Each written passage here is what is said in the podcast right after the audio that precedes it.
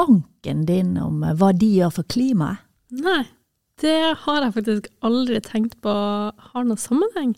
Det har det, skjønner du. Og Ja. Sparebanken Vest de har vært eh, klimapartner fra starten, og de bruker sin rolle som bank til å være en av de fremste pådriverne for grønn omstilling i Vestland. Det her var litt eh, nytt for meg. Jeg var veldig spent på å høre hvordan gjør de det? Det er jo derfor vi har invitert dagens gjest. Og nå er hun snart på vei inn her i studio. Hun heter Åsne Odland Dale og er leder for bærekraft i eh, Sparebanken Vest. Jeg er Renate Nedregård, leder i Klimapartner Vestland og programleder for denne podkasten. Og jeg er produsent Tiril Amalie Johansen. Og du hører på Operasjon nullutslipp. Åsne Odland Dale, velkommen. Tusen takk. La meg begynne med å spørre deg, Åsne. Hvorfor er bærekraft viktig for en bank? Ja, det er kanskje mange som lurer på det, eh, og gjerne ikke ser den eh, direkte linken. Men det som vi eh, merker nå, det er at bærekraft er på en måte en viktig del av hele verdikjeden vår. Fra når vi skal hente kapital inn, som vi skal låne ut, til kundene, som er, som er rett og slett kunder i banken vår. Er, bærekraft blir en del av absolutt hele verdikjeden, som handler om penger. Jo, dere jobber jo eh, systematisk med dette. Blant annet har dere en bærekraftstrategi. Og der kan vi lese at Sparebanken Vest skal bidra til at Vestlandet blir en ledende region for klimateknologi, klimakutt innen 2030. Det stemmer. Vi er jo en bank for Vestlandet. Og Vestlandet er vi eh, avhengig av på alle mulige måter. Vi er avhengig av at regionen vår eh, har en god fremtid. eh, Rett og slett retta mot fremtiden foran seg. Og, og skal Det er en ganske betydelig jobb vi har foran oss. Det er mye som skal gjøres på, både på teknologifronten, det skal bygges nye arbeidsplasser. Vi skal rett og slett finne litt smartere måter å leve på fremover. Og det er store ambisjoner, dette. Hvordan jobber dere for å få det til?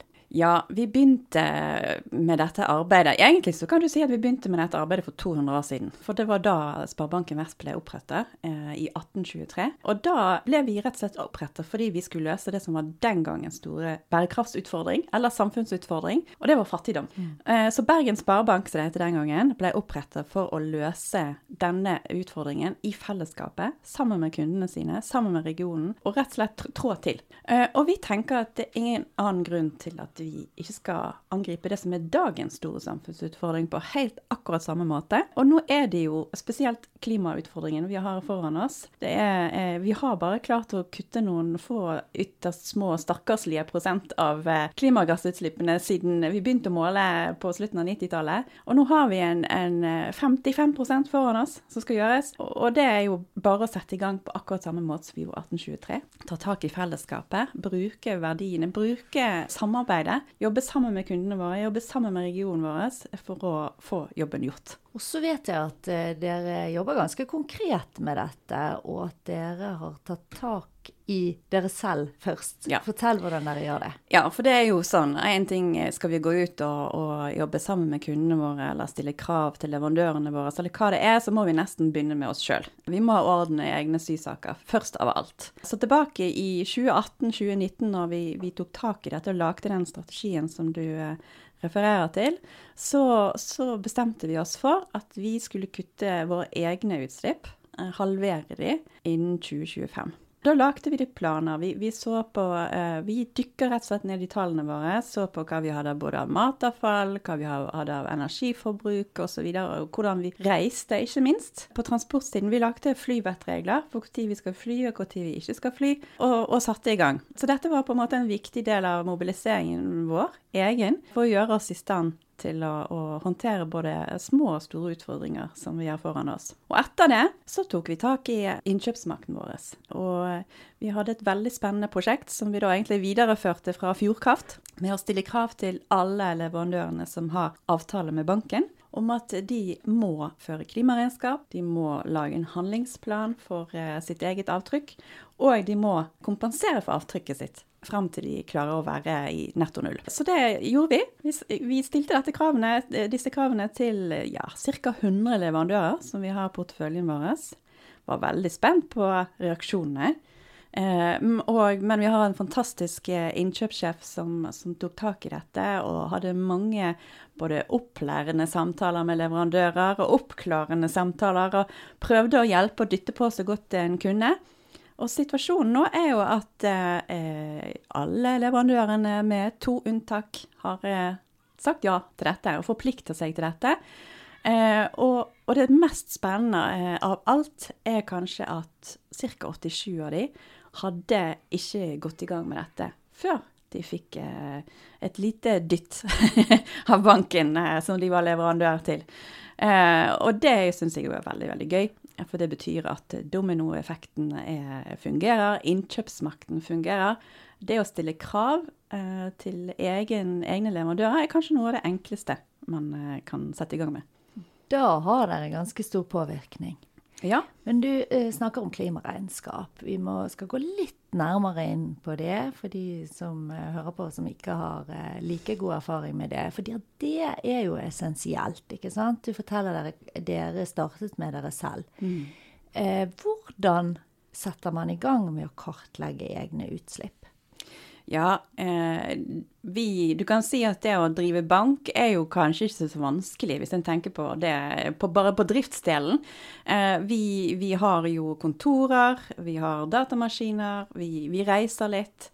Eh, så vårt enkleste, det enkleste klimaregnskapet, eh, det består jo av eh, hovedsakelig tre deler. Eh, transport og energi og avfall. så å prøve å sette tall på det Eh, prøve å samle inn hvor mange flyreiser har vi hatt det siste året. Hvor mange kilometer har vi kjørt med bilene våre. Eh, hvor mye energi har vi forbrukt i kontorene våre. og mange, hvor mange kilo eh, avfall har vi kastet. Det er på en måte den enkleste, det startpunktet for å komme i gang. Og det er et veldig viktig startpunkt, for det gir deg, eh, det gir deg en god oversikt over hvor er det skoen trykker. Hvor er det, hvor er det ditt problem ligger? Har dere sett resultater? Sant? da fører dere klimaregnskap, innfører tiltak. Ja. Ser dere eh, resultatene i klimaregnskapet? At du kan si at det er jo først når vi satte oss det målet om å halvere eh, at vi så effekten. For da hadde vi noe å strekke oss til. Vi hadde allerede ført klimaregnskap flere år før det. Men det er noe med å, er, man skal ikke bare hente inn tallene og lage klimaregnskap og så putte det i en skuff. Det, det, er først når du får på en måte satt, eh, satt deg et mål, eh, du har, du har, noe å strekke etter, og lagd den handlingsplanen, det er først da du ser eh, effekt. Så det nytter å sette seg mål? Det gjør nok det. Mm. Det, det, kan føles litt skummelt av og til. For det at det, eh, man tenker gjerne uff, går dette bra? Klarer vi dette? Men, men, det som er det som var positivt for, for vår del, det var at det halveringsmålet det har vi allerede klart, faktisk. Selv om det var i 2025 som var målet. Og så kan en jo si at eh, de siste par årene med korona og mye hjemmekontor har nok hatt sin påvirkningskraft på det. Og vi har reist mye mindre òg. Eh, men, eh, men, det største jafset eh, skjedde allerede før korona. Og vi tenker at vi har lært en del de siste par årene òg, spesielt med tanke på reise. Som, som, vi må prøve å få ta med videre nå de neste, neste årene også. Men dere er jo fremdeles en bank, ikke ja. sant? Og her forstår vi at det er viktig å få de ansatte med på dette arbeidet.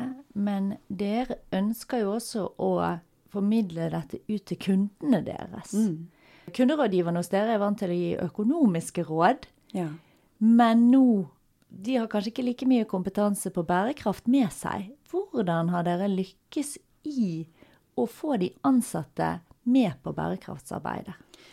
Ja, du kan si at den omstillingsjobben som ligger foran oss, og som vi egentlig er midt i akkurat nå, eh, den er jo krevende. Eh, den er krevende for næringslivet, den er krevende for kundene. Og, og, og, den blir jo òg krevende for rådgiver, rådgiverne våre òg, fordi at eh, skal man være en god rådgiver for eh, næringslivet på Vestlandet, så må man forstå næringslivet på Vestlandet. Man må forstå hva omstilling og hva de står midt inni. Og akkurat nå så er det jo mange selskaper som står i den type dilemmaer at eh, ja, hvilken teknologi skal vi satse på? Hva er det egentlig som er fremtidsrettet? Hva er det som er de smarte grepene foran oss akkurat nå? Hvilken omstilling er det vi kommer til å oppleve? Er det er det mer vær og fysisk risiko, eller er det en overgangsrisiko med nye teknologier som ikke vi har, forstår akkurat nå? Alt dette det blir et helhetsbilde av risiko. Og er det noe bankfolk er vant til å jobbe med, så er det risiko. Eh, så det har på en måte vært vårt inngang til dette feltet. Å forstå overgangsrisikoen, forstå risikobildet til kunden, forstå hva fremtidsbildet som ligger foran, foran kunden. Og da er jo kompetanse et nøkkelord det blir helt umulig for, for, oss å gjøre denne jobben med å bidra til omstilling, eh, med, med, å påvirke vår egen kundeportfølje hvis ikke man har kompetanse. Og, og det er en kompetanse som krever jevnlig drypp, som vi aldri bli ferdig med, tror jeg. Fordi at det skjer så ufattelig mye. Det skjer så mye regulatorisk, det skjer så mye på teknologisiden, at det er å finne gode måter å gi jevnlige gode drypp. Jeg tror det er det eneste måten å gjøre det på. Dette kan ikke være ett e-læringskurs som man sjekker av og fullført. Det, det, må være de jevne, gode dryppene. Og det er det vi er, vi er på langt nær ferdig, men, men, det er på en måte det vi står i akkurat nå. Å bygge opp gode strukturer, gode metoder for å, å bygge kompetanse hos alle våre ansatte. Det er mange som, som, trenger det. Eh, det er ikke bare vi i bærekraftsavdelingen som skal ha denne type kompetanse. Den skal være bredt ut i alle divisjoner. Og, og så er det jo òg å anvende. For dette er ikke en teoretisk eh, læring man kan høre, ta inn og forstå. Man må faktisk øve på å anvende det. Så det òg har vi brukt eh, er vi så vidt i gang med, vil jeg si. Man prøver å, å lage workshops, lage treninger, lage, eh, lage møteplasser og arenaer der man kan få lov til å trene på å anvende dette i kundedialog. For det er først da det blir en eh, verdifull kompetanse å ha med i ryggsekken. Så da får vi jo nå etter hvert noen av de fremste bærekraftsekspertene og eksperter på eh, klimarisiko eh, som eh, ansatte i banken, rett og slett. Det, det, tror jeg.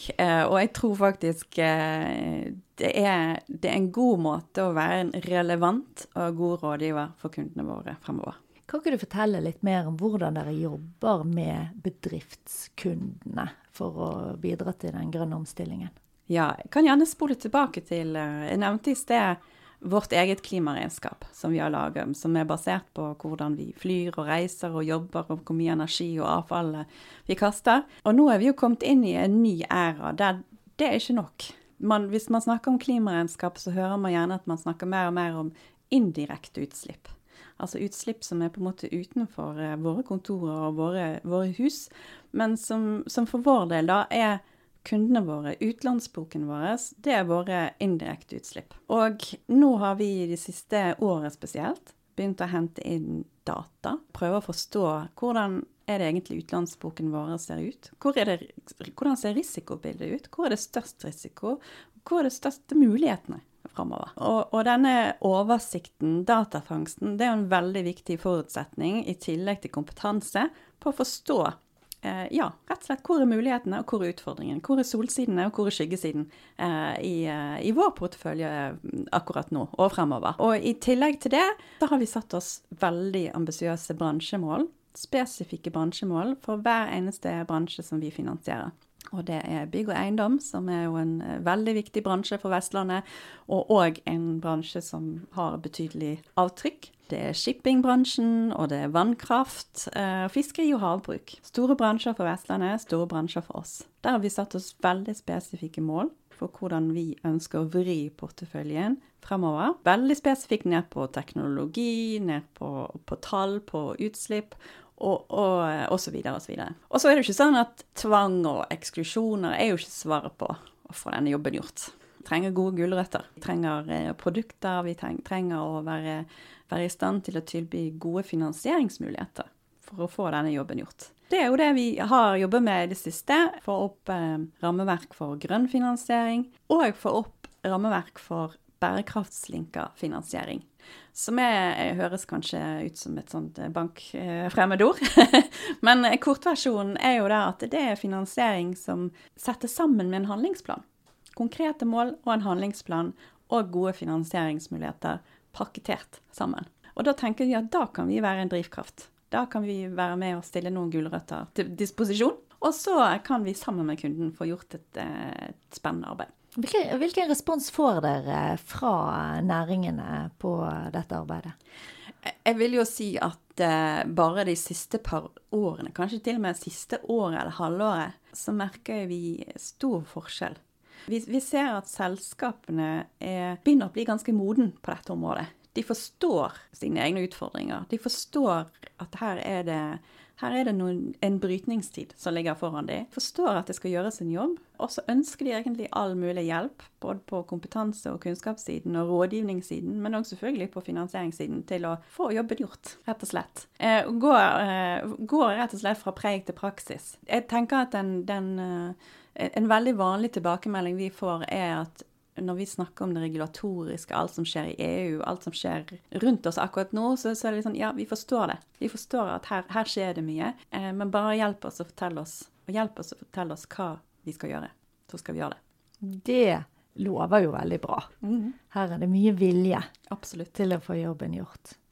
Mange kjenner jo Sparebanken Vest som en støttespiller for frivillighet, kultur og idrett på Vestlandet. Hvordan jobber dere på det feltet, og som eh, sponsor opp mot eh, disse samarbeidspartnerne? Ja, eh, her er det flere, flere arenaer. Du kan si at som sponsor, altså den tradisjonelle sponsorvirksomheten og de største sponsoravtalene, de har de samme, både samme forpliktelsene som andre leverandøravtaler. Det vil si at f.eks. de største fotballklubbene som vi er med og sponser på Vestlandet, de har fått det samme kravet som andre leverandører på å lage handlingsplaner, eh, lage klimaregnskap og kompensere for eget avtrykk. Men, eh, men her må det jo ha gulrøtter på plass. Og vi har en egen stiftelse som heter Agenda Vestlandet, som ble oppretta i 2019, som har rett og slett fått det oppdraget. Og en god pott med samfunnsutbytte fra, fra overskuddet til Sparebanken Vest. Og bruke disse midlene til å investere de i gode prosjekter som handler om grønn omstilling, skape nye arbeidsplasser få på plass den kompetansen som trengs, og å være med og få jobben gjort, det, det er en, en, muskel som er i Sparebankens ånd. Vi er i høy grad eid av samfunnet. 60% eid av samfunnet. Så Agenda, Agenda Vestlandet er en, en, viktig stiftelse og en viktig organ i vårt virkemiddel for å få denne jobben gjort. Og så ser vi jo at det har skjedd noen endringer, ikke bare fra Sparebanken Vest, men generelt når det gjelder disse store ja, festivaler, arrangementer osv. Og, så og der vet jeg at dere har vært en av pådriverne for å gjøre det eh, hele mer bærekraftig. Kan ikke du si litt konkret om hva dere har gjort der? Da kan jeg jo gjerne nevne Bergen Live og Bergen Fest, som vi har veldig bra samarbeid med. Som vi har en sponsoravtale med, og som vi er, jobber sammen med på å rett og slett finne ut hvordan kan man bli en festival som kan bli en av, kanskje en av de mest grønne og bærekraftige i Europa. Ved hjelp av teknologi, ved hjelp av nye måter å, å sortere avfall på. Vi har ikke lyst til å gå i plasthav av plastkopper på Koengen når vi skal på konsert. Hva er smarte måter å, å, løse disse utfordringene på. Det, det, det, gjør vi i fellesskap med Bergen Live og Bergen Fest. Veldig spennende prosjekt som vi allerede ser gode, konkrete resultater av. Så eh, som sponsor så kan man være med og påvirke ganske mye? Helt klart. Absolutt. Det blir som forbruksmakt eller innkjøpsmakt, det òg. Det er veldig inspirerende å høre hvordan dere jobber med kundene deres, bedriftskundene og i verdikjeden, og med samarbeidspartnerne deres på ulike nivåer. Og dere har jo vært veldig bevisste på å ta en rolle som pådrivere. Mm. Men det finnes jo andre grupper blant kundene deres, så da tenkte jeg vi skulle ta inn produsenten vår som sitter bak spakene her, Tiril Amalie Johansen, du er jo litt yngre enn oss. Yeah. Og kanskje en annen målgruppe for banken. Så jeg har lyst til å spille ballen over på deg. Ja, jeg lurer litt på Når jeg tenker på bank, så tenker jo ikke jeg Eller bank og sparing, så tenker jo ikke jeg på at det har noe med klimavennlige valg å gjøre. Så jeg lurer jo litt på Altså, Hvordan kan dere hjelpe meg som privatkunde å ta klimavennlige valg? Jeg forstår jo veldig godt, og jeg tror ikke du er alene. Jeg må tenke at Det er ikke noen sånn helt uh, obvious link. Men, men, jeg er ganske sikker på at både du og andre tenker at uh, ja, en bank har kanskje ikke noe sånn helt tydelig med bærekraft og, og, i rådgivning å gjøre for privatkunder, men helt sikker på at en tenker at det har noe med økonomisk rådgivning å gjøre. Ja. Uh, og der har du egentlig kanskje linken da, med bærekraft. For det første så ser vi jo at um, folks privatøkonomi nå i aller høyeste grad blir påvirka av høye strømregninger.